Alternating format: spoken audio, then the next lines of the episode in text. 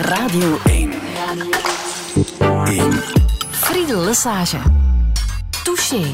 Touché vandaag met Frie Leijzen. Goedemorgen. Goedemorgen.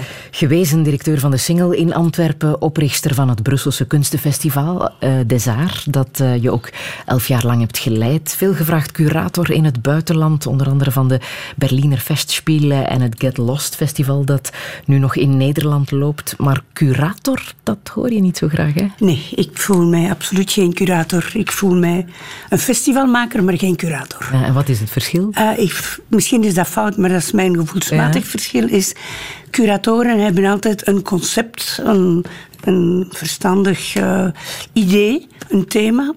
En die zoeken dan artiesten die dat thema moeten illustreren of uh, ja, illustreren. En ik vind, uh, ik voel me geen curator die artiesten zoekt, die dingen moeten bevestigen die ik denk. Ik voel mij veel meer een antenne die probeert uh, te capteren wat er in de lucht hangt en wat artiesten bezighoudt en wat artiesten um, uh, fascineert en zorgen baart of ontroert of wat dan ook. En daar wil ik een platform voor geven. Zo omschrijf je jezelf ook graag, hè? als een soort trait d'union. Ja. ja, dat is dan nog, dat trait d'union is dan nog eigenlijk aan de ene kant die artiesten waarvan ik voel dat er een soort urgentie is um, om op een heel om hun heel eigen autonome visie op onze wereld te ontwikkelen en die ook te communiceren. Dat is één groep. En dan aan de andere kant heb je dat heel mysterieuze gegeven van het publiek. Um, waarom komen mensen naar een theater? Uh, waarom zitten ze niet gezellig thuis met een goed glas wijn en hun pantoffels aan? En waarom komen mensen naar het theater? Ik vind dat nog altijd een mysterie. Dus aan de ene kant heb je die artiesten die de urgentie hebben om op dat podium te kruipen en iets te zeggen. En aan de andere kant heb je een groep mensen die absoluut noodzaak hebben om te horen wat die artiesten te vertellen hebben. En d'Union, dat, is, dat zijn de organisatoren die zorgen dat die twee elkaar vinden mm -hmm. en dat die samenkomen. Ja. Ik moet jou in principe ook barones noemen, hè? In principe, want ik, heb, uh, ik ben eigenlijk officieel... Ik heb mijn wapenschild en mijn leuzen niet gemaakt. Dus ik ben officieel nog altijd geen barones. Terwijl je dat, je dat al zo lang geleden uh, hebt toegewezen gekregen. Waarom stel je dat uit? Of, of? Nee, maar dat was toen... Uh, vond ik een cadeau empoisonné. Want je moet een... een leuzen bedenken en je moet een wapenschild ontwerpen. En dat moet dan geschilderd worden door de hofschilder. Dat kost fortuinen. En ik had dat niet.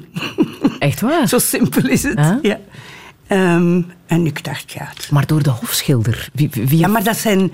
Ja, die, die, die uh, wapenschilden, daar, is, daar zijn heel, heel strikte regels van kleuren, iconografie en beelden uh, die al dan niet kunnen gebruikt worden.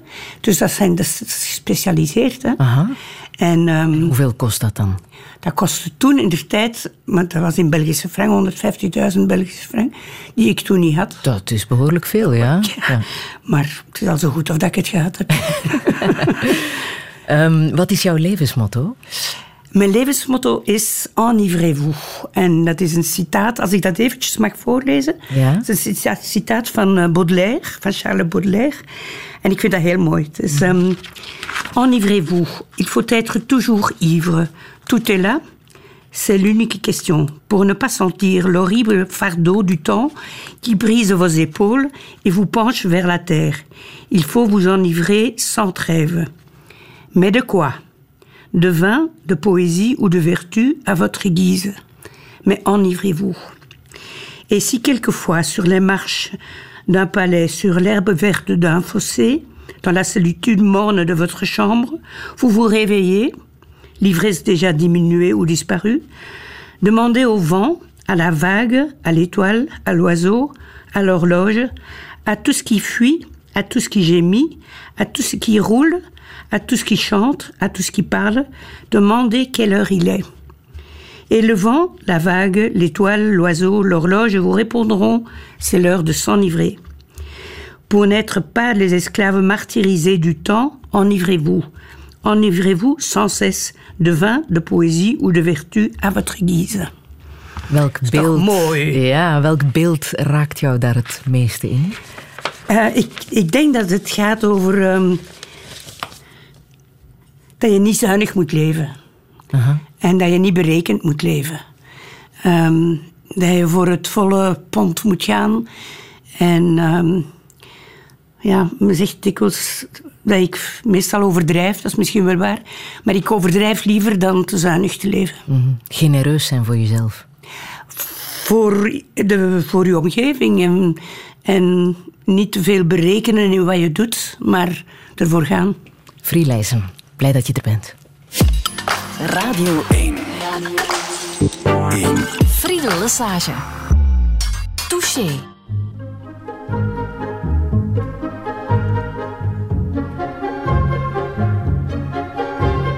Do not go gentle into that good night.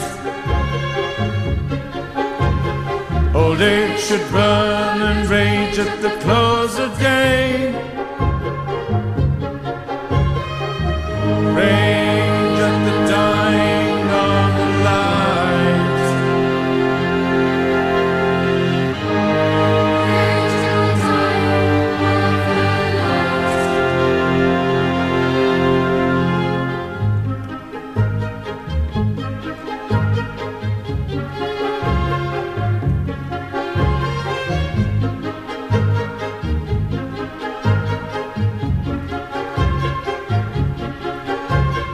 wise men at their end, no dark is right.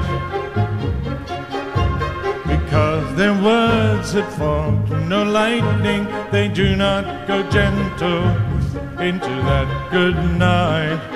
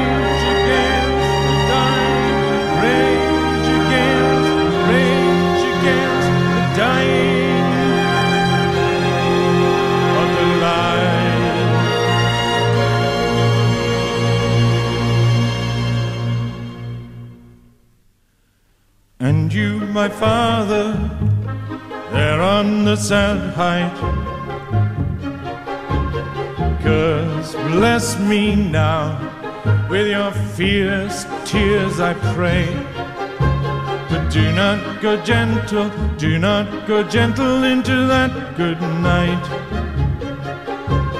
Do not go gentle into that good night.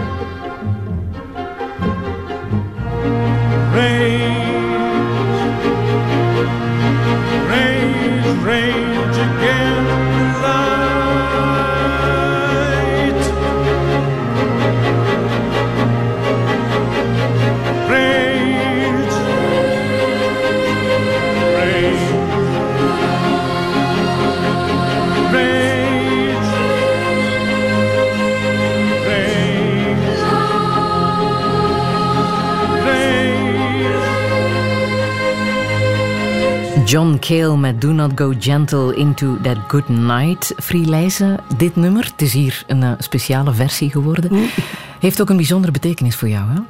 Maar ik heb iets met John Cale. Ik vind dat eigenlijk een uh, man met... Dat is een van de oprichters van de Velvet Underground geweest.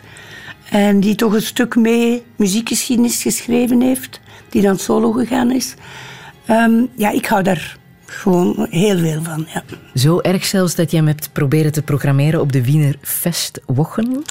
Ik heb met hem een project gedaan in, um, in Theater der Welt in uh, Essen. Ah ja. En dat was gebaseerd op een installatie die ik van hem zag in, in Venetië, in de Biennale van Venetië. Mm -hmm. Waar hij een film had met, um, over, over Wales, want hij is van Wales. Ja. Um, en een, een, een, soort ja, docufilmpje over Wales, over het grauwe, groezelige, arme, grijze Wales. En toen ik dan in de Roergebied um, ging werken en daar te maken had met een... Die, die Roergebied, mensen die voelen zich echt slachtoffer van het sluiten van de mijnen en... Um, en ze verkneukelen zich een beetje in dat slachtoffergevoel. En ik dacht, ja, dan moeten die maar eens naar John Cale kijken. En uh, we hebben dan een versie gemaakt die in een heel grote, oude, industriële hangar speelde. En waar John Cale uh, live, die muziek live gespeeld heeft. En de film dan geprojecteerd mm op heel, heel grote schermen.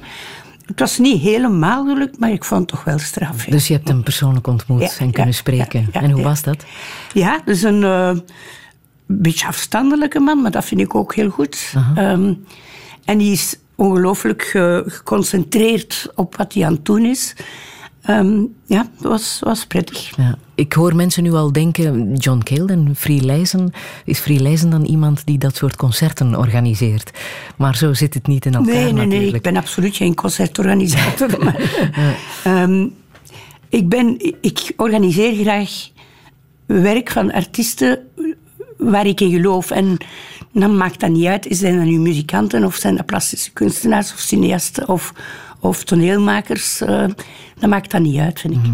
Nu bijvoorbeeld, uh, op dit moment ben je nog begaan met het Get Lost Festival in Nederland. Wat voor festival is dat? Dat is iets klein eigenlijk. Dat is, um, de idee was van een aantal gezelschappen uit te nodigen. Uit het verre buitenland, het niet-westerse buitenland en die op tournee te zetten in Nederland. En ik vond dat een heel goed idee, want uh, in Nederland op het ogenblik is er geen internationale circulatie meer op gebied van podiumkunst. Dus dat is heel bangelijk. Um, als je vergelijkt met Brussel of België, hier, wij zijn zo gewoon van internationale gezelschappen te zien. Uh, in Nederland is dat compleet, compleet aan het wegsterven. Alleen ja, de, de Stadschouwburg in Amsterdam en de Stadschouwburg in Rotterdam doen dat nog. Maar voor de rest wordt het allemaal heel um, klokken, um, onder de eigen klokkentoren. Ja. En ik vind dat heel gevaarlijk als, als we in een cultuur gaan leven waar de input van buitenaf niet meer normaal is en dat dat een uitzondering wordt. Terwijl we dat nu net heel erg nodig hebben. Absoluut nodig, absoluut nodig. En we moeten echt stemmen horen van buiten en andere ideeën, andere filosofieën, andere uh, zienswijzen horen. Uh, anders roesten we gewoon vast in ons eigen gelijk en in ons eigen vooropgestelde parti pris en clichés. We moeten op tijd door elkaar gerammeld worden door iets te horen en te zien wat ons, um, wat ons doet ja, wat onze overtuigingen helemaal in vraag stelt. Is dat de reden waarom je zo'n opdracht uh, als in Zuid-Korea, waar je ook mee begaan bent, hebt aangenomen om te zien wat daar leeft, wat daar circuleert? Ja, ik, ik, was, ik, ik heb al veel jaren in Azië met Azië gewerkt eigenlijk. Um, en daar werd een, helemaal in het zuiden van het land een nieuwe uh, cultuur, uh, theater, enfin, cultuurhuis gebouwd immens, veel te groot. Na een uh, dramatische gebeurtenis daar, hè? Ja. ja. En, um, is ehm, daar het verhaal van? In de jaren tachtig is daar een uh, opstand geweest. Uh, die stad heet Gwangju. En uh, dat is zo'n beetje de, de bakermat van de democratie in Korea. En daar is toen een, een opstand heel bloedig neergeslagen. Ehm, en de, een president na die feiten had beslist: hier moet een groot uh, artistiek huis komen om uh, die feiten te, te, als, als herinnering aan die feiten. Als cultuur, als antwoord op aanslagen. Maar de huidige president van Korea is de dochter van de toenmalige dictator die die um, opstand neergeslagen heeft. Dus u begrijpt al hoe genegen zij dit project is. Dus het loopt nu nog tot einde mei en dan is het ook afgelopen en wordt het een plek voor uh, commercieel theater en musical en, en commerciële initiatieven. Mm. Dus jouw hart af. bloed. Ik vind het een gemiste kans, want uh, ik was daar maar zijdelings bij betrokken. Uh, de persoon die het programma gemaakt heeft, Song Hee Kim, dat is een onwaarschijnlijk strafprogramma wat hij gemaakt heeft. En het is vooral voor mij, vond ik heel, heel sterk. Tot nu toe keek Azië altijd naar Europa. En wij, die kopieerden Europa heel de tijd. En die nodigden alle Europeanen uit naar Azië. En voor het eerst zie je een festival waar een gezond chauvinisme is. Waar um, die directie uh, creatieopdrachten geeft aan Aziatische artiesten. En waar Azië eens naar zichzelf kijkt. En Azië is enorm groot. Hè? Uh, Dus daar is veel, daar beweegt veel, daar is veel uh, te zien. En ik vond dat echt heel verfrissend. Dat je niet meer die kramp hebt van Europa is het centrum van de wereld. Het gaat er niet over dat Europa niet meer het centrum van de wereld is, maar er is niet één centrum van de wereld meer. Er zijn verschillende centra in de wereld. En Azië is ook een centrum. En het is belangrijk dat die, die, die, die eigen roots en die eigen tradities, enfin tradities niet, maar de eigen hedendaagse vormen van kunst, die geënt zijn op dat verleden, dat die um, een kans krijgen en dat het niet puur westers gekopieerd is. En dan voelt je ook bij veel kunstenaars dat zij beginnen te beseffen dat door het kopiëren van het Westen, dat ze heel veel aan het verliezen zijn op het moment.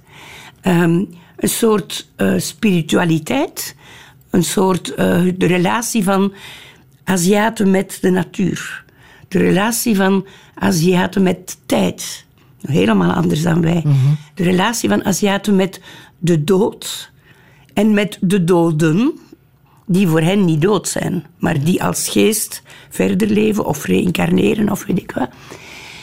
En je ziet meer en meer artiesten in Azië die die gevoeligheden en die rijkdom van hun cultuur terug bovenhalen en op de agenda zetten. En daar ben ik ontzettend blij mee. En ik vind dat wij als Westerlingen daar ook heel veel van te leren hebben.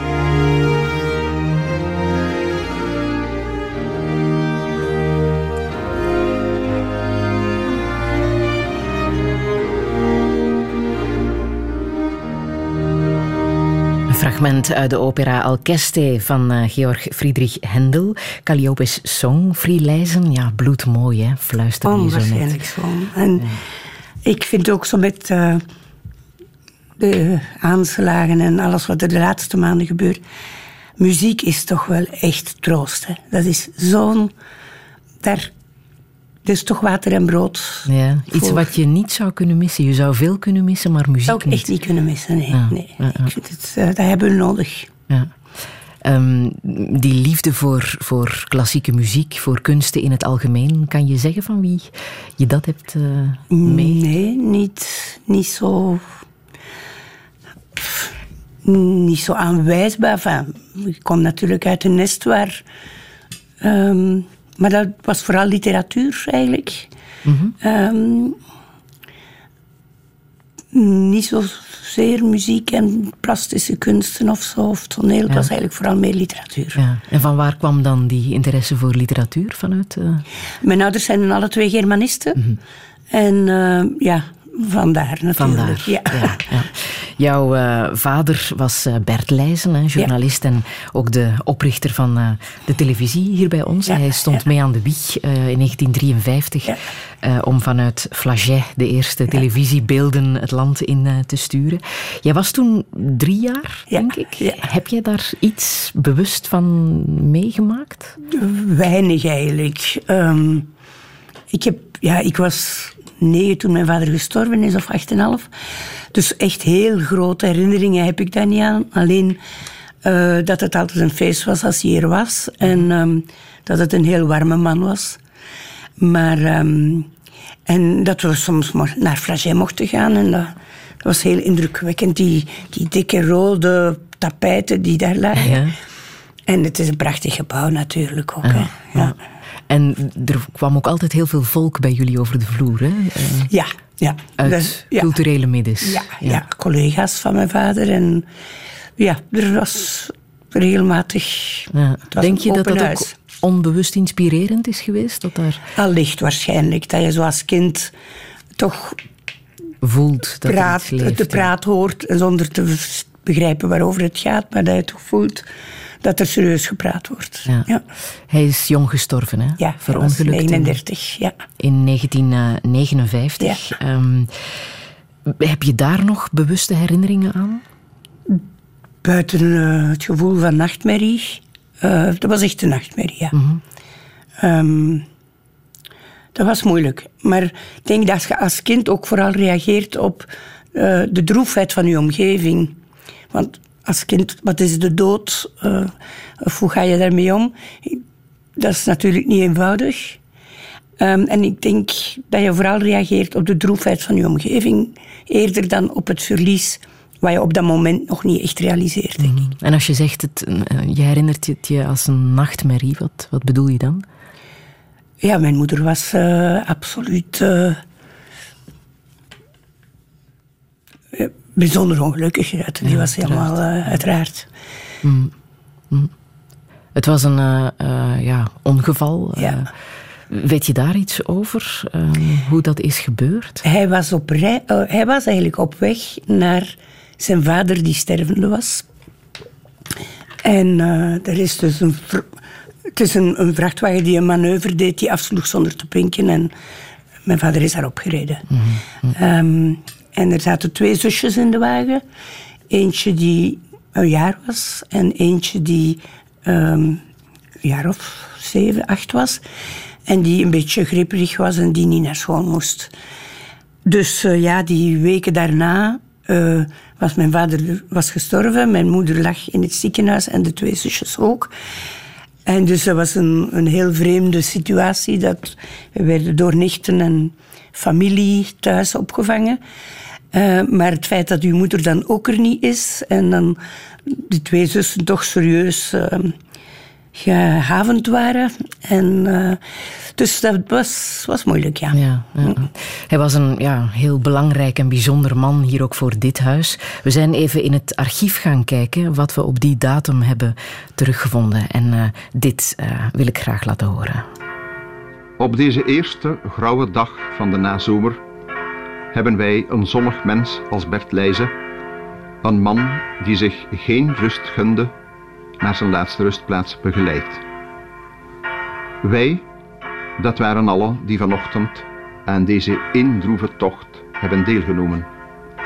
En die één waren in diep meevoelen en gedenken. Dat waren de talrijke leden van een der schoonste Kempense families. Dat waren tientallen hooggeplaatsten, honderden vroegere en huidige medewerkers, duizenden mensen die Bert van ver of nabij hadden leren kennen en die zoals iedereen onmiddellijk sympathie voor de mens en ontzag en bewondering voor de persoonlijkheid voelden. Ja, heel veel mensen hebben gerouwd om hm.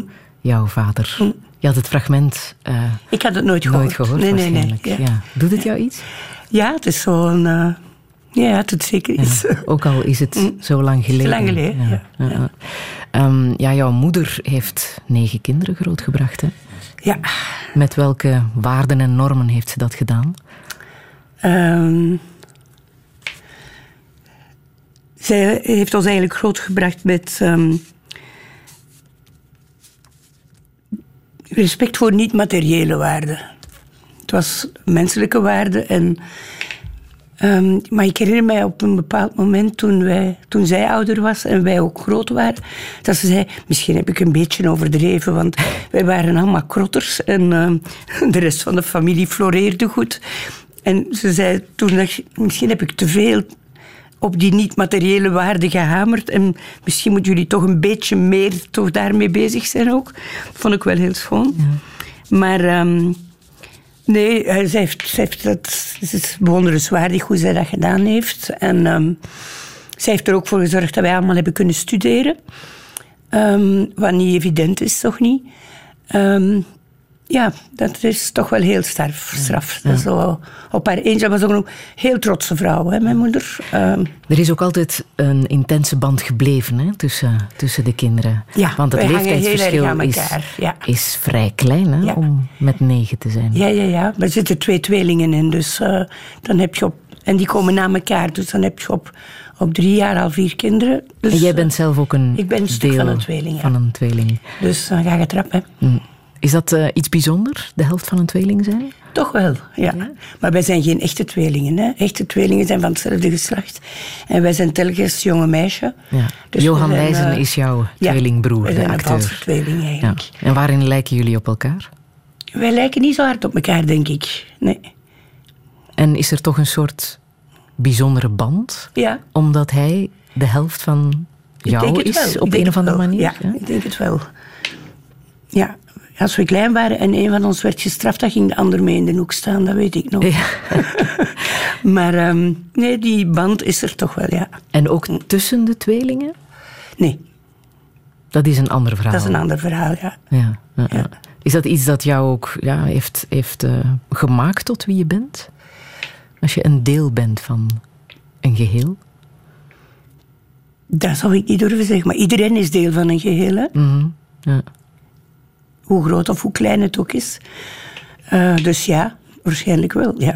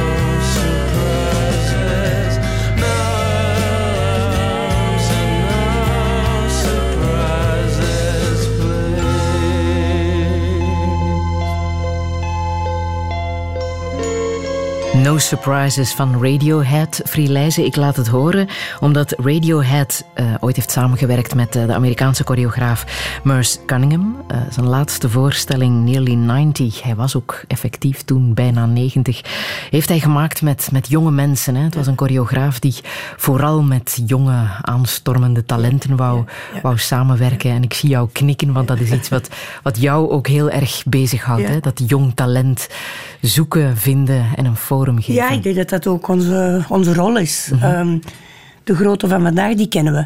En die zijn genoegelijk gekend. En het is goed ook dat we die nog blijven zien. En dat die nog uh, gepresenteerd worden. Maar ik vind dat we ons elke keer moeten afvragen... waar zit de grote voor morgen? Waar zitten die? Wie is de... Wat is de nieuwe generatie? En ehm, dat heeft... Enfin, ik denk dat dat onze rol is als programmator... van daar te gaan, uh, daarnaar te zoeken. En niet alleen daarnaar te zoeken, maar die mensen ook echt een plateau te geven en de goede werkomstandigheden ook te geven. En als we het hebben over de groten, uh, wie zijn nog meer jouw inspiratiebronnen en mentors geweest? Ja, ik heb. Ik heb um, wat mijn leven echt veranderd heeft, was de eerste keer dat ik een voorstelling van Pina Bausch zag. Dat was van. Oef, dat is dans. Zo, zo bestond dans tot dan toe niet. En ten tweede ook haar visie op, op het vrouw zijn, op een vrouw en op, de onmogelijkheid van de liefde eigenlijk, want daar gaat het telkens bij haar over. Terwijl vroeger was dans altijd uh, mooi en lieflijk en, en vrolijk. En ineens kreeg je zoiets heel ruw, pessimistisch, donker. Um, en op een heel heel andere manier van dansen. Dus dat was, vond ik heel, heel sterk. En, je hebt ze ook persoonlijk gekend. Ja, je hebt ze vaak ook geprogrammeerd. Ja, En dan een andere artiest die mij heel, heel, heel erg getekend heeft, is Christophe Martaler. Um, omdat die zo'n... Die houdt ons een spiegel voor um, en die lacht met ons. Maar uh, hij zegt niet, jullie zijn eh, belachelijke mensjes. Die zegt, wij zijn belachelijke mensjes. En hij includeert zichzelf. En dan kun je veel zeggen. Hè? Ja. Uh, dan zit je niet met je vingertje te wijzen, maar dan heb je het ook over jezelf. En hoe dat die in zijn voorstellingen zo de, de kleinburgerlijkheid schildert, maar met, met veel kritiek en met soms veel venijn, maar uiteindelijk met zoveel liefde voor die kleine mensjes die we toch allemaal zijn. En, en hoe onhandig en, en uh, burgerlijk en klein burgerlijk fascistoïde gedrag en zo. Dat vind ik toch wel heel, heel sterk. hij was een, een Zwitserse theatermaker. Ja, uh, bij ons zijn er twee namen, denk ik, die uh, ook niet onvermeld mogen blijven. Hè? Gerard Mortier en Bernard Focroel. Ja, dat zijn twee mensen waar ik um, toch veel mee te maken gehad heb. En um, waar ik ook veel inspiratie van gekregen heb. Ja. Um, met Fokroel hebben we in de tijd van het Kunstenfestival een, nieuwe serie opgezet van opera's. Dat was heel spannend. Uh, dat vertrok uit het idee van waarom is opera zo oudbollig? En waarom moet dat zo duur zijn? En waarom heeft dat zo'n kort leven? Dat speelt een paar keren in een huis en gedaan. En waarom repeteren die zangers zo weinig? En, en in plaats van erover te zitten mopperen, hebben we gezegd, we gaan luid opdenken. En we gaan opera's maken die geregisseerd worden door kunstenaars die nog niet gecontamineerd zijn door het genre, die niet te verwende, arrogante, grote operaregisseurs zijn. Um, we gaan werken met uh, zangers die zin hebben om lang te repeteren en echt weten wat dat ze staan te doen. En die ook zin hebben om te acteren. En dat is niet gewoon een hoop vlees die muziek, die geluid voortbrengt, maar persoonlijkheden op de scène. Um, we gaan flexibele voorstellingen maken die kunnen reizen en die niet één serietje spelen in één huis, maar die de wereld rond kunnen reizen. Uh, dat was zo'n beetje. En het moest ook met een ander budget. Het moest ook uh, betaalbaar worden. En dat hebben we met, samen met Fokroel. Uh, het eerste jaar hebben we een opera gemaakt met William Kentridge, Il Ritorno de Ulisse, in Patria van Monteverdi. En hetzelfde jaar Trisha Brown, Orfeo. En dat was, dat was fantastisch. Dat is echt... ehm, we hebben ook andere producties gemaakt die, die niet zo succesvol waren daarna. Maar het, het, het, die de luxe gehad hebben om die oefening te kunnen maken, dat, is, dat, is, eh, dat was fantastisch. En een oefening die nu nog altijd resulteert. Hè? Ja. Want in onze operahuizen is het dat wat Ja, we ja. nu te zien krijgen met, met succes. hè. En met Foucroul heb ik ook, ik vond dat ook, eh Foucroul was een echte socialist. Is een echte socialist. En dat als operadirecteur, dat is een, een contradictio in terminis precies. Hè.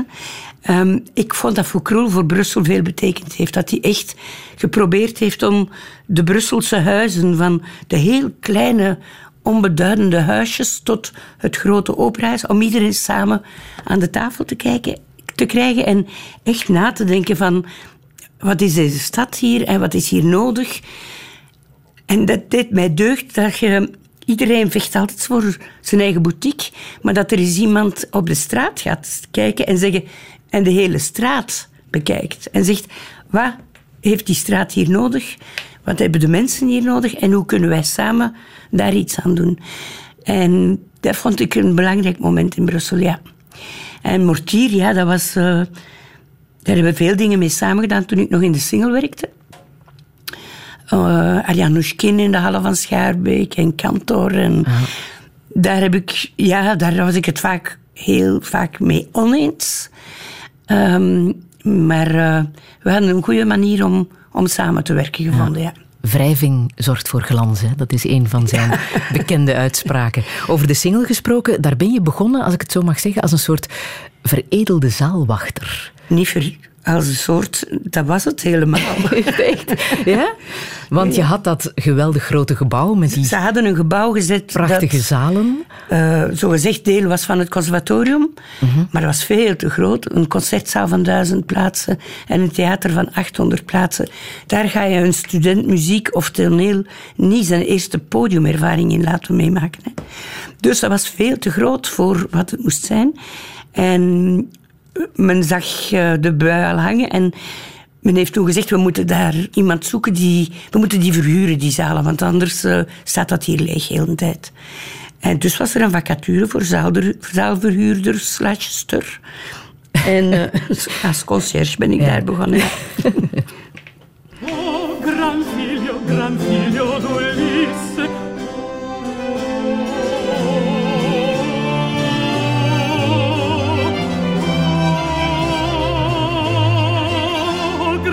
io dolisse e pur ver che tu torni e pur ver che tu torni a serenar a serenar nella tua madre.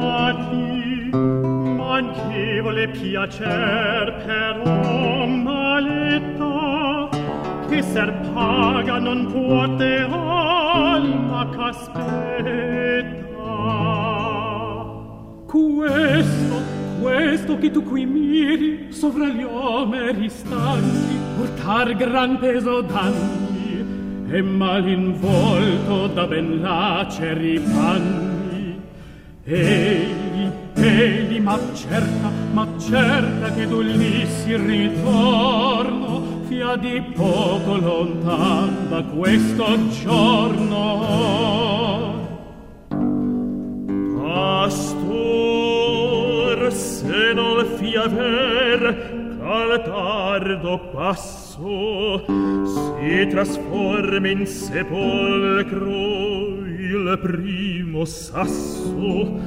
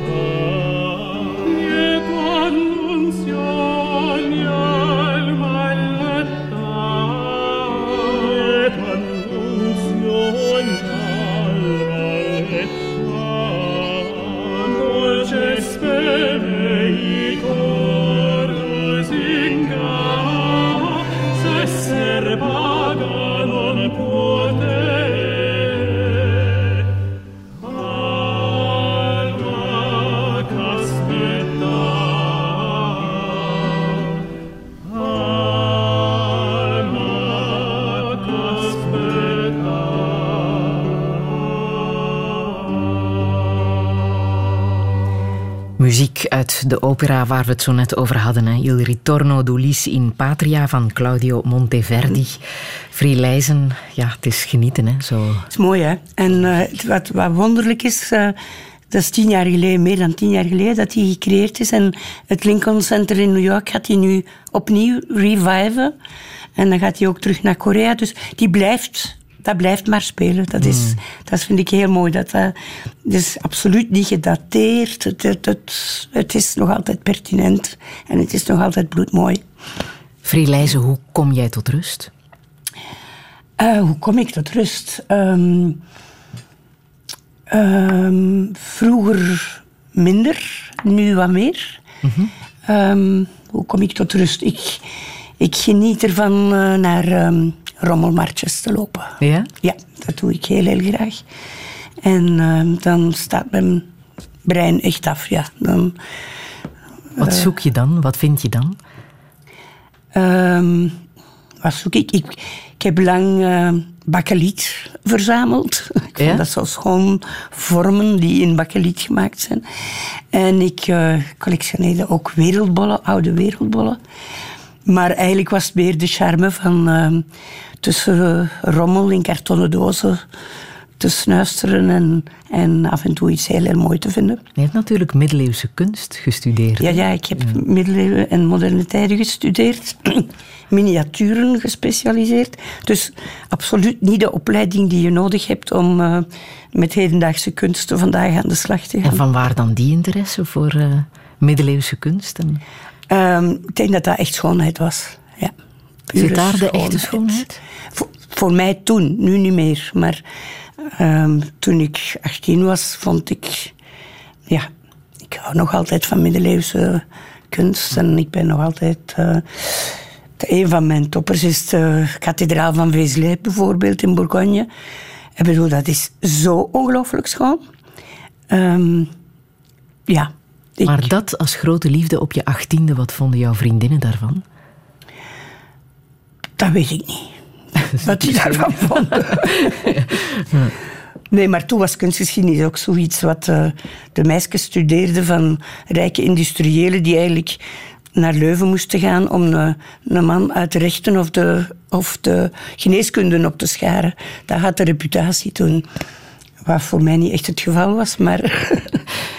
maar ehm, nee, ik ben blij dat ik dat gedaan heb. En ik heb, ik heb daar veel... Uh, onrechtstreeks heel veel geleerd. En leren kijken naar dingen. Um, dus ik ben heel blij dat ik die studie gedaan heb. Ik was een heel slechte student. En het was ook duidelijk dat ik niet in die richting wilde verder gaan. Dat was van, ik ben geen academicus, ik ben geen studax, ik ben absoluut niet. Dus uh, dat was duidelijk. Mm. Jouw liefde is nu meer verlegd, uh, misschien richting uh, Pierre Bonnard. Dat is werk dat je heel erg ja, raakt. Ja, ik zo, zo schoon. Um, het licht, het licht dat hij schildert en, en de, de, de schoonheid van de dagelijkse banaliteit dat is zo ongelooflijk schoon. Um, maar heel... ik hou ook van Berlinde de Bruiker bijvoorbeeld. Vind ik toch van... Uh, als Vlaams artiesten... Oef, wat een verontrustende, storende, beangstigende wereld die oproept. Um, ja.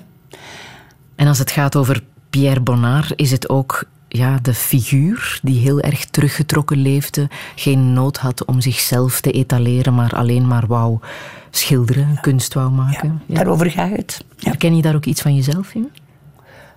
Beetje wel, ja. ja. Ik vind ook. Uh... Ja, ik ben geen kunstenaar. Dat komt er dan nog bij. ik ben absoluut geen kunstenaar. Dus het is een beroep zoals een ander. En. Um, ik vind dat, dat heb ik ook problemen met curatoren bijvoorbeeld, die zetten zichzelf zo graag in het zonnetje. En uh, die vinden zichzelf zo belangrijk. En die weten ook hoe ze de wereld moeten verbeteren en zo. Dat moet ik eigenlijk allemaal niet hebben. Hmm. En het was ook even trekken om jou hier in Touché te krijgen. Dat kan ik bevestigen. Ik heb nog muziek uit de film van David Lynch. Films die je ook echt wel graag ziet. Hè? Ja, kan je omschrijven waarom? Nee, waarschijnlijk ook wat ik zei over, over uh, Belinda de Bruiker. Er is ook zoiets heel verontrustend in die films. Iets heel, het is altijd raadselachtig. Je krijgt er geen greep op. Het is prachtig verfilmd. uh, en het is een soort universum waarin dat je meegezogen wordt. Dat een compleet andere wereld is. David Bowie maakte deze muziek voor Lost Highway.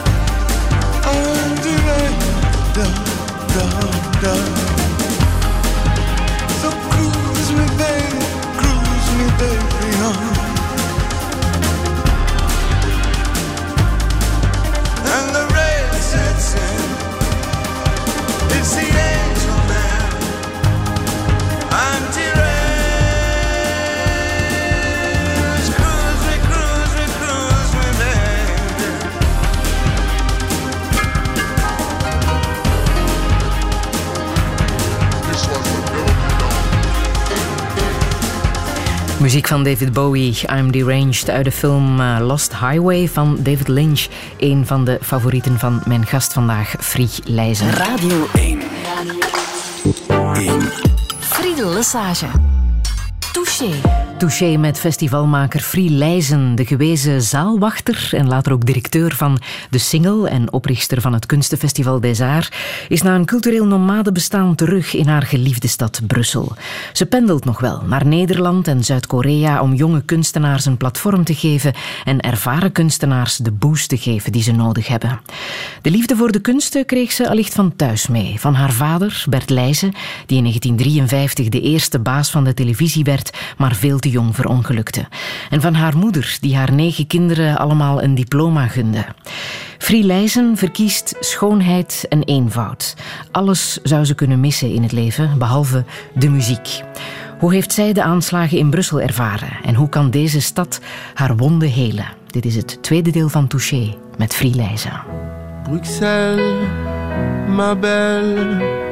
Je te rejoins bientôt, aussitôt que Paris me trahit. Et je sens que son amour est gris. Et puis, elle me soupçonne d'être avec toi le soir. Je reconnais, c'est vrai, tous les soirs dans ma tête, c'est la fête des anciens combattants d'une guerre qui est toujours à faire.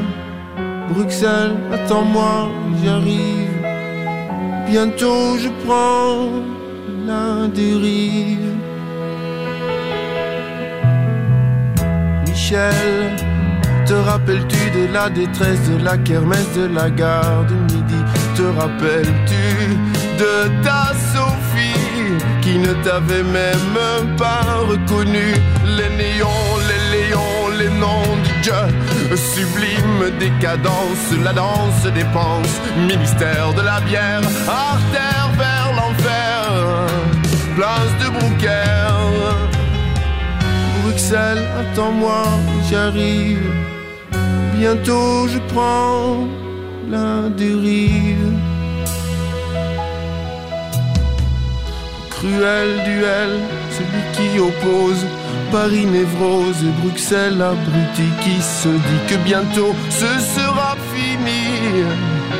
L'ennui de l'ennui. Tu vas me revoir, mademoiselle Bruxelles, mais je ne serai plus tel que tu m'as connu. Je serai abattu, courbattu, combattu, mais je serai venu. Bruxelles, attends-moi, j'arrive. Bientôt je prends la dérive. Paris, je te laisse mon lit. Dat prachtige nummer van Dick Annegarn vond terug zijn weg naar de radio, want het gaat over Brussel. Bruxelles, ma belle. Onder die titel schonk de Standaard afgelopen weekend cultuurtickets weg, naar aanleiding van eh, de aanslagen in Brussel. Eh, Free Leijzen heb je ongetwijfeld ook eh, gezien in de krant. Wat vond je van dat initiatief om op die manier mensen toch ja, terug warm te maken en zich niet te laten afschrikken om naar een stad te komen. Het was wel nodig, want Brussel is toch wel leeg op het ogenblik. Hè? Ja, heb je die ervaring? Ik, je woont in het hart van toch, Brussel, hè?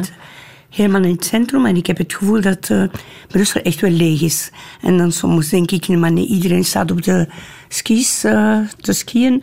Maar uh, ik denk toch dat er meer aan de gang is, ja. ja. Hoe heb je zelf het nieuws vernomen? Um, aan de ene kant zoiets van natuurlijk gebeurt dat hier. Dat was te verwachten.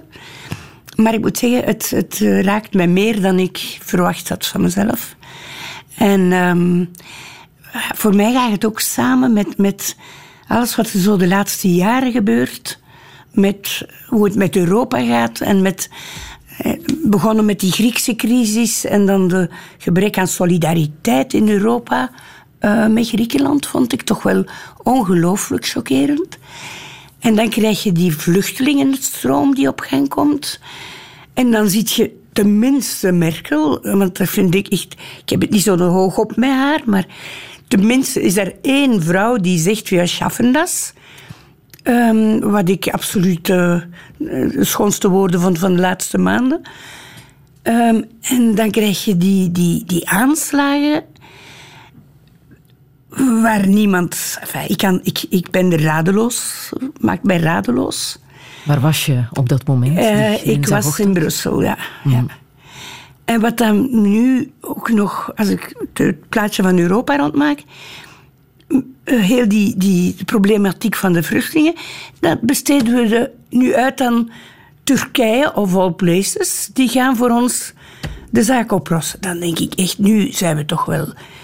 Nu is Europa toch wel in een heel, heel diepe crisis. Ehm, ik vind dat het laatste land dat uh, de vluchtelingenproblematiek moet aanpakken. En ik vind dat Europa dat niet zomaar uit handen mag geven. Um, dus voor mij, al die dingen samen is toch heavy. Het is heel, heel zwaar, vind ik. Hmm. Ja, Als we het nog even over Brussel hebben. Um, sommige mensen durfden de deur niet meer uit. Uh, andere mensen gingen net wel de straat op om te zien wat er leefde, wat er gebeurde. Wat heb jij gedaan? Um, ik, ging, ik kwam buiten ook, ja. En um, ik vind ook raar, Brussel is een van de meest tolerante en open steden die ik ken.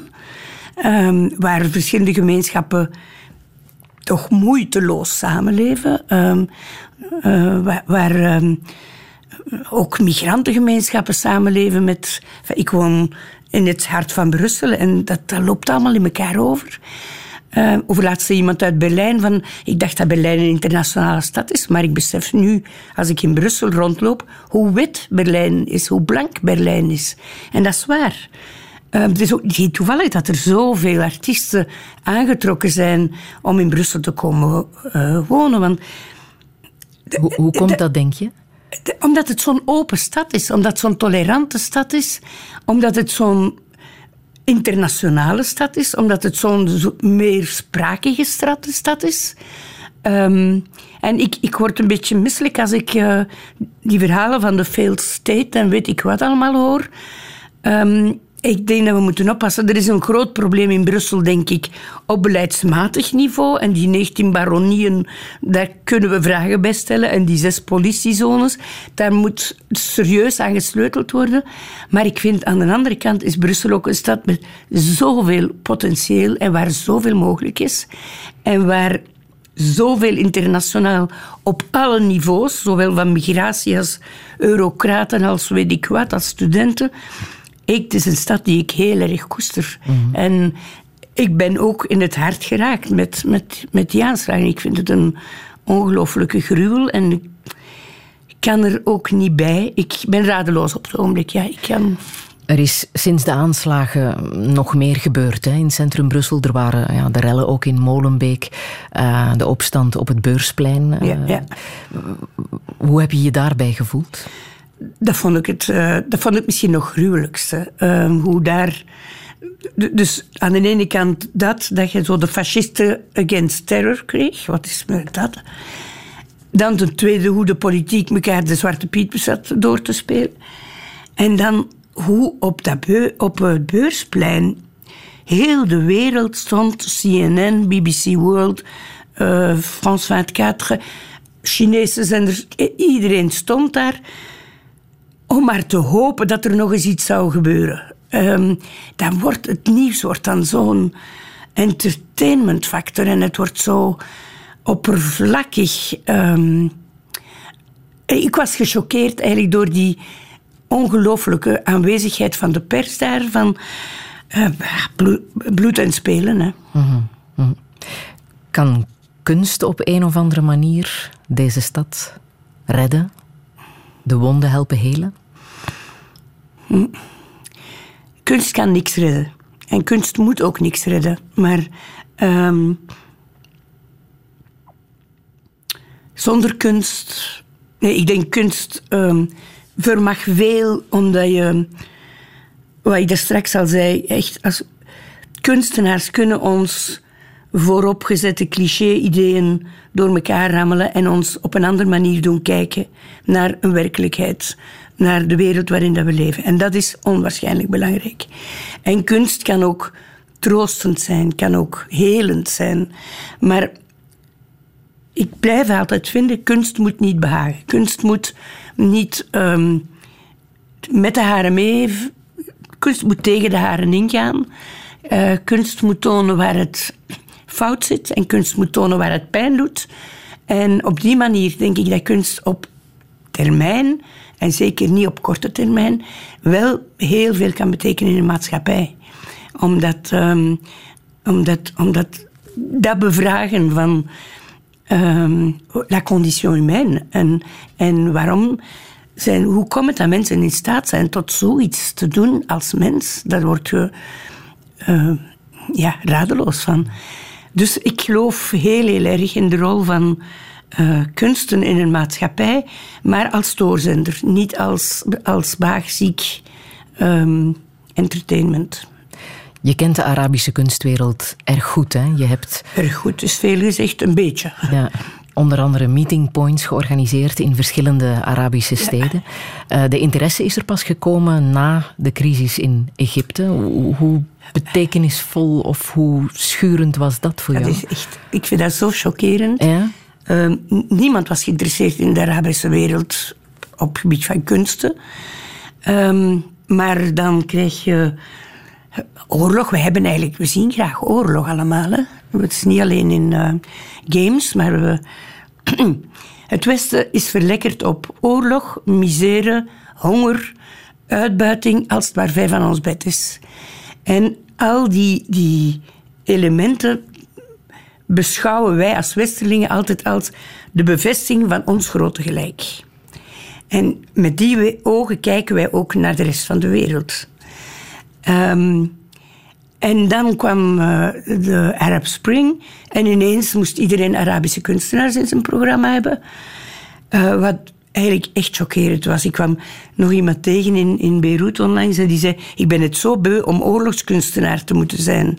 Want er is nog andere dingen in mijn leven dan mm -hmm. oorlog. En mensen hebben interesse voor ons niet omdat ik zo'n goede kunstenaar ben, maar omdat ik iets representeer. Ik, ik, ik representeer een, een, een land in oorlog. Ik representeer een volk in verdrukking. En kunstenaars moeten niks of niemand representeren, alleen zichzelf. En dat soort modus vind ik altijd ontzettend storend. Dat gaat zo met golven. Hè. Dan, uh, dan zijn het de Russen, nu zijn het... Uh, en dan waren het de Chinezen. En, en dat zijn van die korte golfstoten maar dat blijft niet duren. En ik vind, we moeten zorgen dat onze interesse voor kunstenaars wereldwijd gebaseerd blijft op het belang van die individuen, van die individuele kunstenaars, en dat die alle modes moet kunnen door, doorkruisen en doorstaan. Want met de modekes meegaan is niet interessant. Nee. Was je in Beirut toen daar aanslagen zijn? Ja, dat was de opening van mijn festival in Beirut. De dag van de opening. November vorig ja. jaar. En, net uh, voor de aanslagen in Parijs. Dat was de dag voor de aanslagen in Parijs. En in Beirut waren er meer dan 50 doden. En dat was op een kilometer en een half van het theater waar wij stonden. Um, wat mij heel erg gechoqueerd heeft, is dat de dag daarna was Parijs en de dagen daarna Paris, Paris, Paris, je suis Paris. En over Beirut werd de dag zelf misschien wel iets gemeld, maar daarna niks meer. En dan krijg je echt dat gevoel zo van in het Westen, als die Arabieren elkaar afslachten, hm, dat ze maar doen, maar aan ons mogen ze niet raken. Hè? En dat soort dat heeft me heel, heel boos gemaakt. Dat, uh... En hoe heeft die stad Beirut gereageerd op, op hun stad, aanslagen? Die, die, van die stad leeft continu onder druk van aanslagen en van oorlogen. En dit is heel, heel, heel extreem. Um, er wordt gefeest in Beirut als nergens anders ter wereld. Er wordt uitgegaan, er wordt gefeest, er wordt gedronken, er wordt en mensen hebben dat ook echt nodig. Dat is een soort uh, compensatie, is een soort uitlaatklep voor alle angst, alle uh, spanning die er in die maatschappij leeft. Maar dat geeft een heel bizar gevoel van uh, de, aan de ene kant die spanning en aan de andere kant het, het, het ongelooflijke feestjes die er gebouwd worden. Dus eigenlijk is dat wel mooi. Maar ze zijn niet zuinig met het leven. Ze zijn absoluut niet zuinig, nee. ci darem la mano, a mi dirai di sì. Vedi non è lontano partiam ben mio da qui. Vorrei non vorrei mi trema un poco il cuore.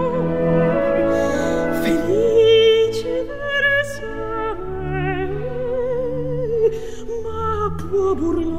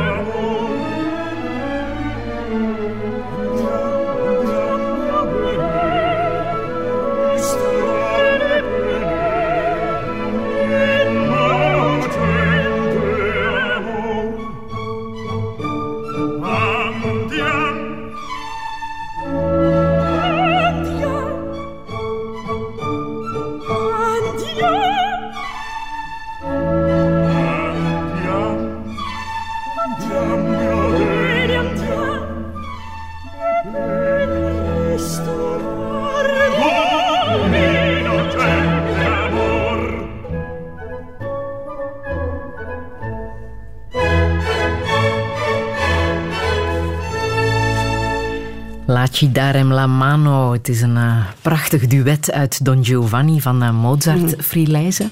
Welk gevoel heb je bij deze muziek? Ik vind dat een van de mooiste verleidingsscènes in de muziek, moet ik zeggen. Ja, zo klinkt het ook. eh, ja, ik vind, Ja. het heel, enfin, ik vind Mozart een ongelooflijk eh, spits eh, componist. En, en ja, John Giovanni vind ik echt een meesterwerk. En Mhm. dit daarbinnen is zo'n zo'n mooie verleidingsscène.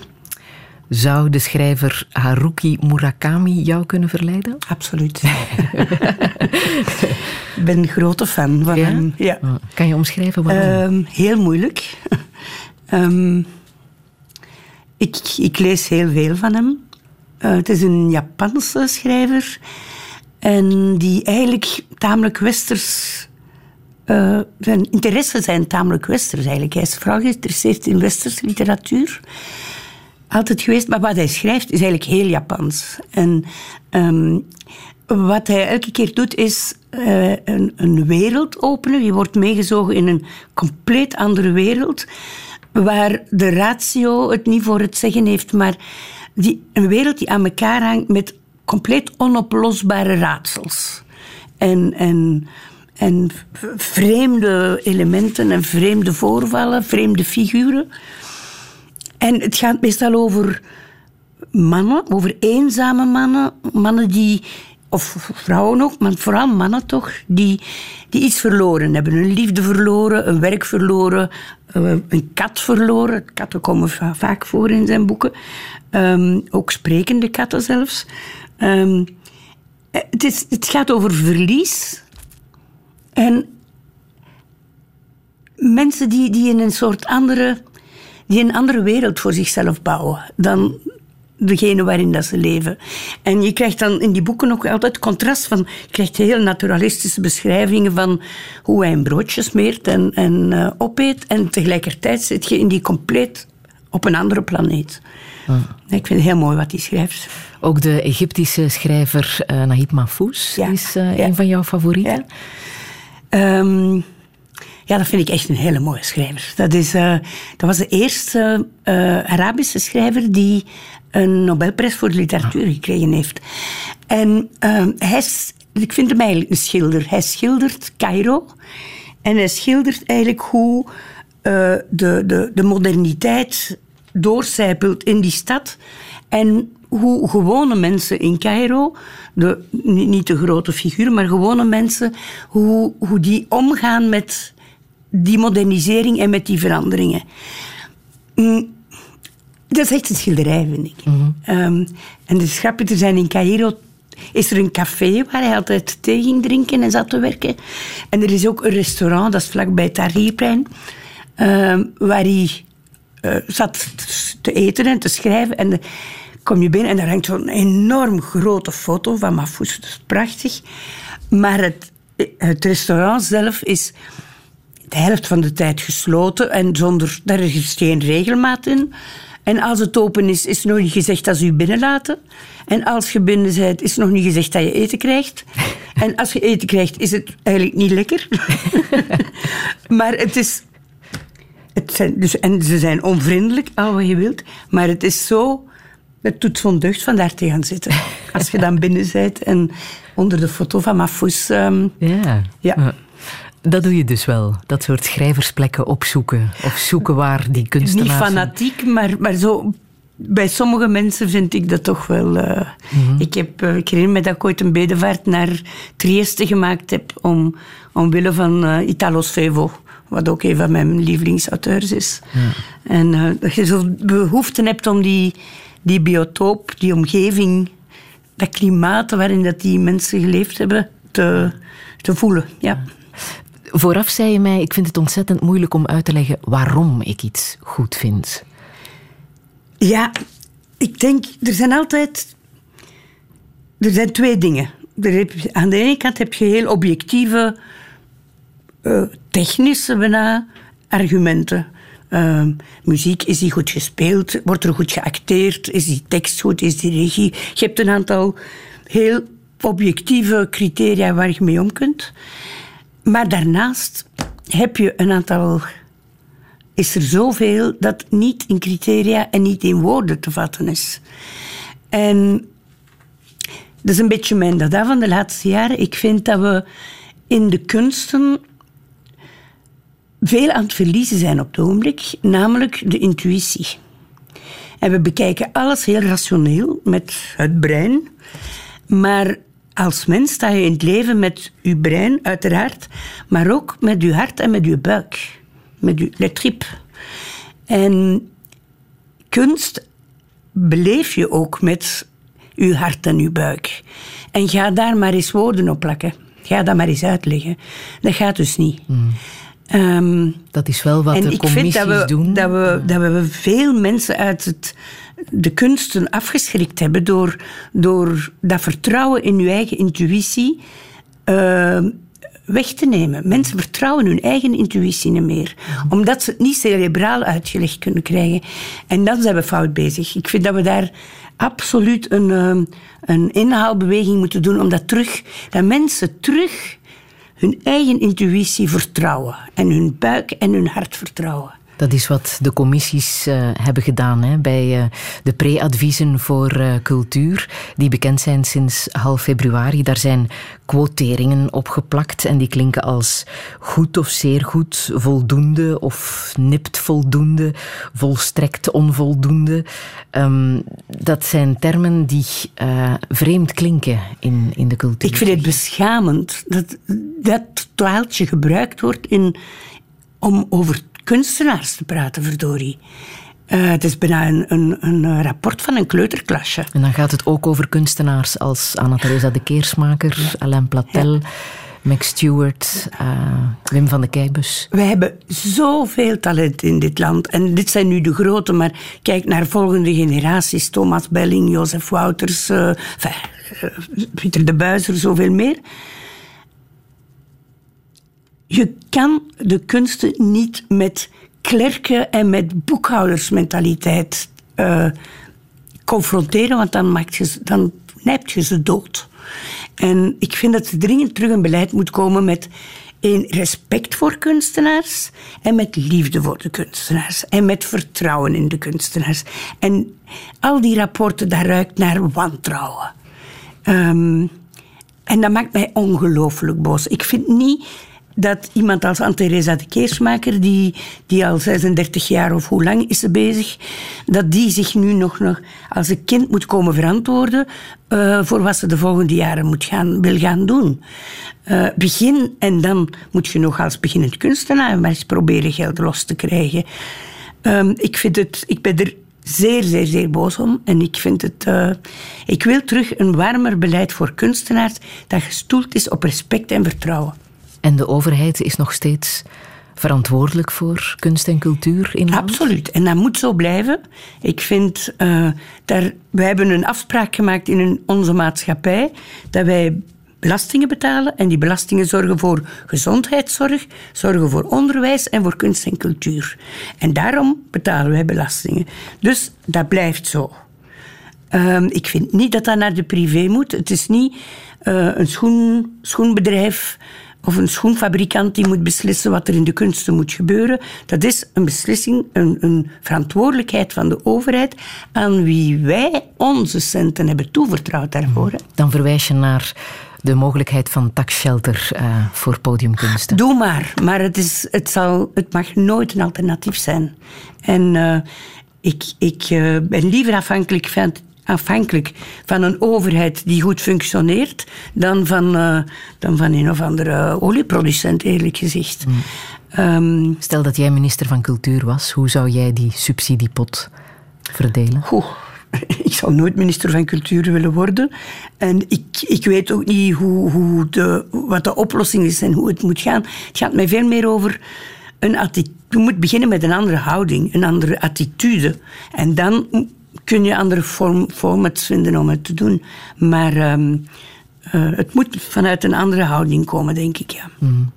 Andresa de Keersmaker gaat op 23 april, dacht ik. Uh, slow walking doen in Brussel. Vanaf de vijf poorten uh, gaan er groepen wandelen naar het centrum van Brussel. Het speelt zich al lang niet meer af tussen de vier muren van de cultuurhuizen. Nee, nee. De beleving van kunst. Nee. En met succes.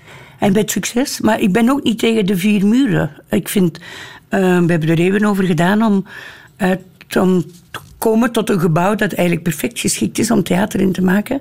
Dus ik ben daar ook niet tegen. Mhm. Maar het moet daar niet exclusief zijn zitten. Het kan inderdaad ook op andere plekken. Ga je mee wandelen? Ja. Ja? ja? Slow walking. Uh, een hele dag, hè? van 11 tot, tot 4, om dan op de grote markt een cadeau te krijgen, denk ik, van Andresa de Keersmaker.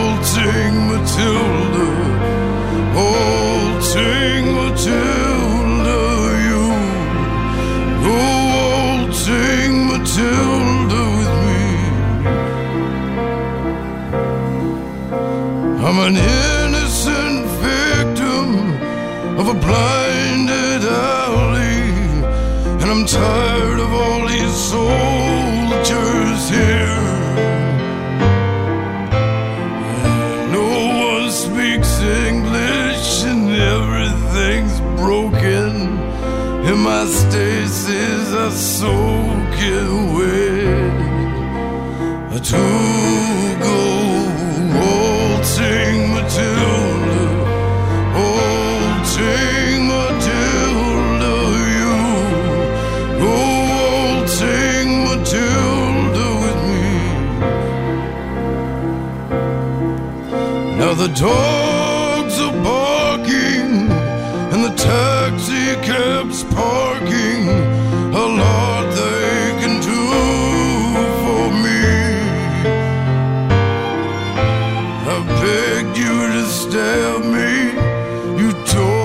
sure.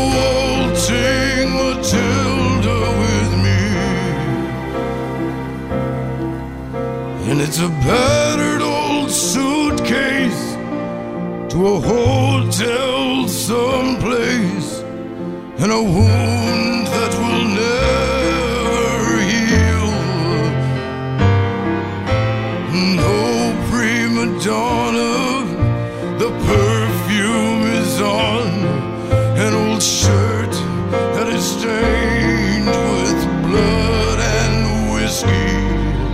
And good night to the street sweepers, the night watchmen, flame keepers.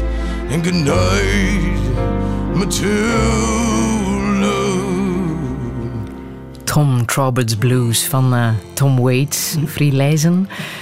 Ja, dat is een blijvertje, hè? Dat is een blijvertje. En dat is echt mijn compagnon de route al vele, vele jaren. Dat is een blijvertje. Ja. Kan je omschrijven waarom eh, hij zo dicht bij jouw hart zit? Ehm, het, het gaat altijd, het gaat altijd over losers eigenlijk. En over mensen aan de rand van de maatschappij. En, is een beetje Murakami ook. Ja, verwant. Ehm, Het heeft een ongelooflijke nostalgie ook. Het heeft een ongelooflijke droevigheid. En tegelijkertijd ongelooflijke schoonheid. En ehm, ja, zo de, de marginale figuren die... Hm, ja, zoals gezegd, ik ben geen goeie om uit te leggen waarom ik iets mooi vind. Maar uh, ik vind het uh, heel mooie teksten, maakt hij. En ongelooflijke muziek. En heeft een stem als geen ander. Um, ja. Wat heb jij het meest gemist in jouw leven? Hm, dat zijn altijd moeilijke vragen. Um, ja, ik vraag mij soms af of ik wel de juiste balans heb gemaakt in mijn leven tussen werk en privé. Dat is. Um, het voordeel is dat werk is uw hobby, is uw interessepunt. Het is een luxe job. Het is onwaarschijnlijk uh, prettig om, en interessant om de kans te hebben met interessante mensen in contact te komen, met kunstenaars te praten, samen projecten op te zetten. Ik bedoel, dat, dat is eten en drinken. Dat is ongelooflijk inspirerend. En dat slokt u natuurlijk ook erg op. En dan ja, kun je soms vragen van, heb ik niet een beetje privéleven verwaarloosd ten koste van dat? Mm. dat Iets waar je spijt van hebt? Ik ben er nog mee bezig. ja.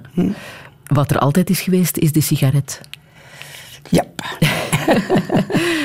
Addict. Ja, hè? Ja, ja. Nog altijd? Nog altijd, ja. ja, ja, ja. Het mag eigenlijk niet meer, maar uh, ja, ik blijf toch doorroken. En Hoeveel is geschiet. Dus, ja. uh, Hoeveel per dag? Ik tel die niet. Nee. Uh, je moet dat niet tellen. Je mm. moet gewoon... Uh, Enivrez-vous. Hè. Mm -hmm. En het mogen sigaretten zijn uit de hele wereld? Ja, liefst. Ja? Mijn lievelingssigaretten zijn 57 uit Iran. Dat zijn de beste. Echt waar? Die zijn ook heel mooi. Ja, kan je omschrijven waarom? Wat hebben die dat andere sigaretten niet hebben? Uh, dat, zijn, dat is een klein pakje en dat zijn heel kleine, dunne sigaretjes. Zo wat je voor de madamekes sigaretten zou noemen. Maar dat zijn de werkmanssigaretten erin in Iran. En die zijn heel, heel lekker. En het pakje is zo mooi gedesigned. Ah, sigaretje. Een sigaretje. Ja. Um, heb jij last van het ouder worden? Ja, het is toch niet simpel, vind ik. Um, aan de ene kant is het voordeel dat je ervaring hebt en dat je daar een beetje kunt op surfen. Aan de andere kant zit je met uh, een carrosserie die niet meer doet wat ze twintig jaar geleden deed. En uh, waar je ook moet meeleven, moet accepteren. En um, ja, ja. Mm -hmm. Waarin geloof jij? Ik geloof heel erg in het belang van kunstenaars in onze wereld, ja. En spiritueel gezien? Je refereerde naar de Aziatische kunstenaars, mm -hmm. dat zij veel beter weten wat onze spiritualiteit is. Uh, en dat beter kunnen verwoorden, tonen, verwerken in hun kunsten. Ik, ja, en ik weet niet goed wat ik hier moet op antwoorden. Vind je iets terug in het werk van uh, de Thaise filmregisseur uh, die je had opgegeven, Apichatpong Weerasetakul, waar ja. nu een retrospectieve ja. van begint in ja. Brussel over twee dus dagen? Christophe Slagmulder is mijn opvolger in het Kunstenfestival. Uh, heeft een focus georganiseerd rond hem. En dat is samen met uh, Galerie Cinema in uh, Brussel. Mm -hmm. En zij doen dus een retrospectieve van zijn films. En ook een tentoonstelling. En een van zijn films, Tropical Melody, zal in het Sony uitgetoond worden. Mm -hmm. En ik vind, uh, is echt een voorbeeld van wat ik daar straks zei. Hoe, hoe die spiritualiteit, uh, hoe sterk die is in zijn werk. En ook die, die link met de natuur en de geesten en de doden. En, en dat inspireert mij heel, heel erg, moet ik mm -hmm. zeggen. En dat is ook heel authentiek. Hè? Het is geen artificieel verhaal, maar echt, zo gaan ze om met ja, ja, ja. leven en dood. absoluut.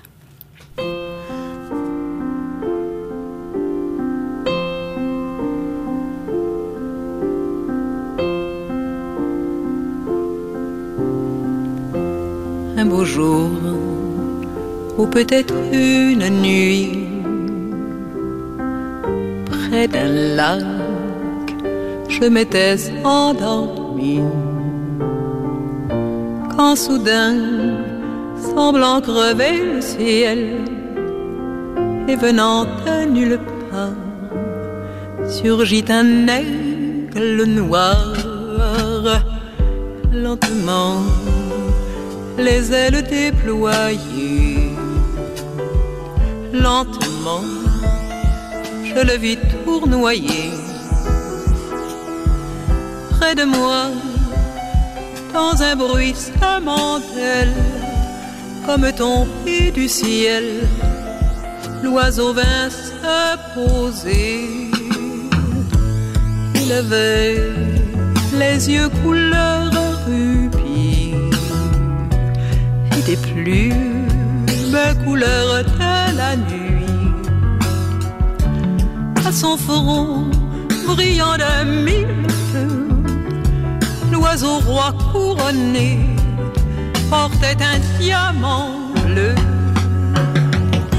son bec, il a touché ma joue. Dans ma main, il a glissé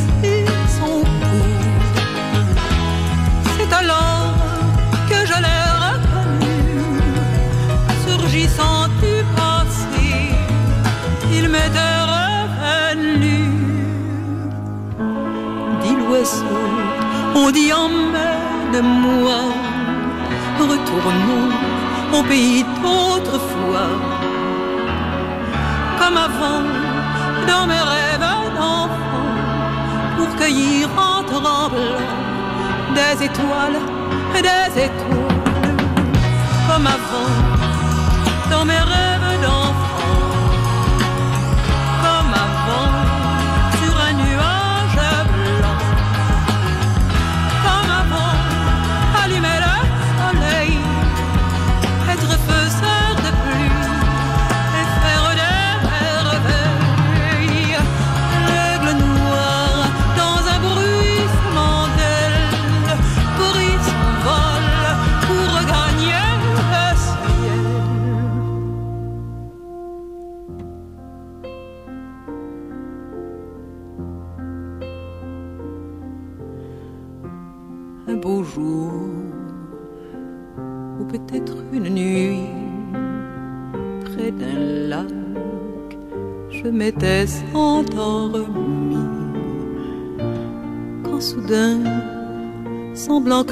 le ciel et venant de nulle part, surgit un aigle noir. Un beau jour, où était-ce une nuit? Près d'un lac, je m'étais endormi quand soudain, semblant crever le ciel, et venant de nulle part, surgit un aigle noir, un beau jour, une nuit, près d'un lac, endormi.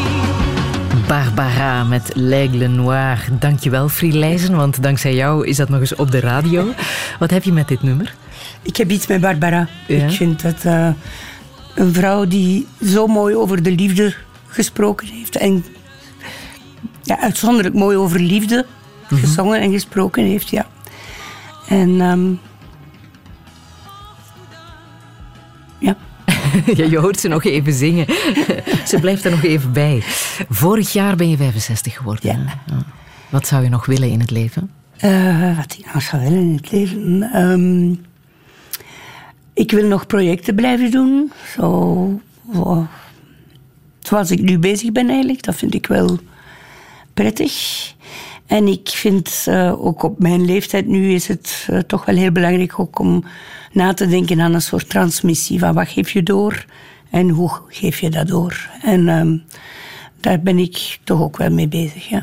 En zo'n verjaardag, 65, is dat iets wat jij viert? Nee, ik vind verjaardagen eigenlijk niet echt... eh, Niet belangrijk. Het gebeurt weer en ik heb er ook geen enkel verdiensten aan. het is mij, het overkomt ons. Maar dat zegt ook iets over jou, denk ik. Hè? Dat dat soort aandacht niet hoeft. Dat weet ik niet. Welke boodschap wil je hier nog meegeven? Ehm, ik heb er eigenlijk twee, als dat mag. ik heb twee. Ehm een eerste is dat ik hoop dat het rijke, verwende, egoïstische, angstige, racistische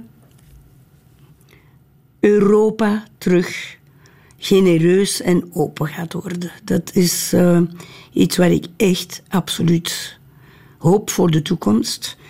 En dat we onze angst een beetje. Angst is trouwens het beste politieke wapen dat op dit moment gehanteerd wordt.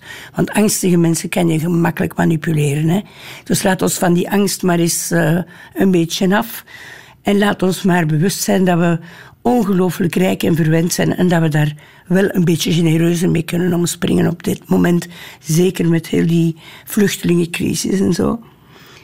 En een tweede is, ehm, als ik het dan meer op de kunsten heb, is... Het is zo mooi eigenlijk dat wij in de 21ste eeuw kunnen bezig zijn met kunstvormen zoals de podiumkunsten, wat geld kost en wat alleen maar hier en nu bestaat. De voorstelling begint om half negen, om half elf is die afgelopen en het is onherroepelijk weg. Weg, weg. Het is geen investering in een kunstwerk dat je aan de muur kan hangen. Je hebt geen cd. Het is weg. En ik vind dat eigenlijk heel, heel mooi. Dat we in een maatschappij leven waar dat kan. En dat er zoveel mensen zijn die dat absoluut willen meemaken. Mooie boodschap, dubbele boodschap. Je wil zeer graag eindigen met een, eh, een straatmuzikant. Ja. Alfred is een ehm, straatmuzikant uit Johannesburg. Ja. Die als kind polio gehad heeft en dus eh, zijn benen verlamd heeft. Ehm, en die heeft, denk ik, door een of andere kerkgemeenschap. Heeft hij alleen maar kerkliederen geleerd of weet ik wat. Maar wat hij daarmee doet. En eh, hoe, hij, hoe hij die zingt. En hij speelt accordeon. En voor mij is dat een soort oer, oerkreet. Is dat een soort oer, gezang waarin alles mooie en alles gruwelijke en alles droevige samenkomt. Het is echt een, een heel mooi. De schoonheid van imperfectie. Ja, de ru en de ruwheid.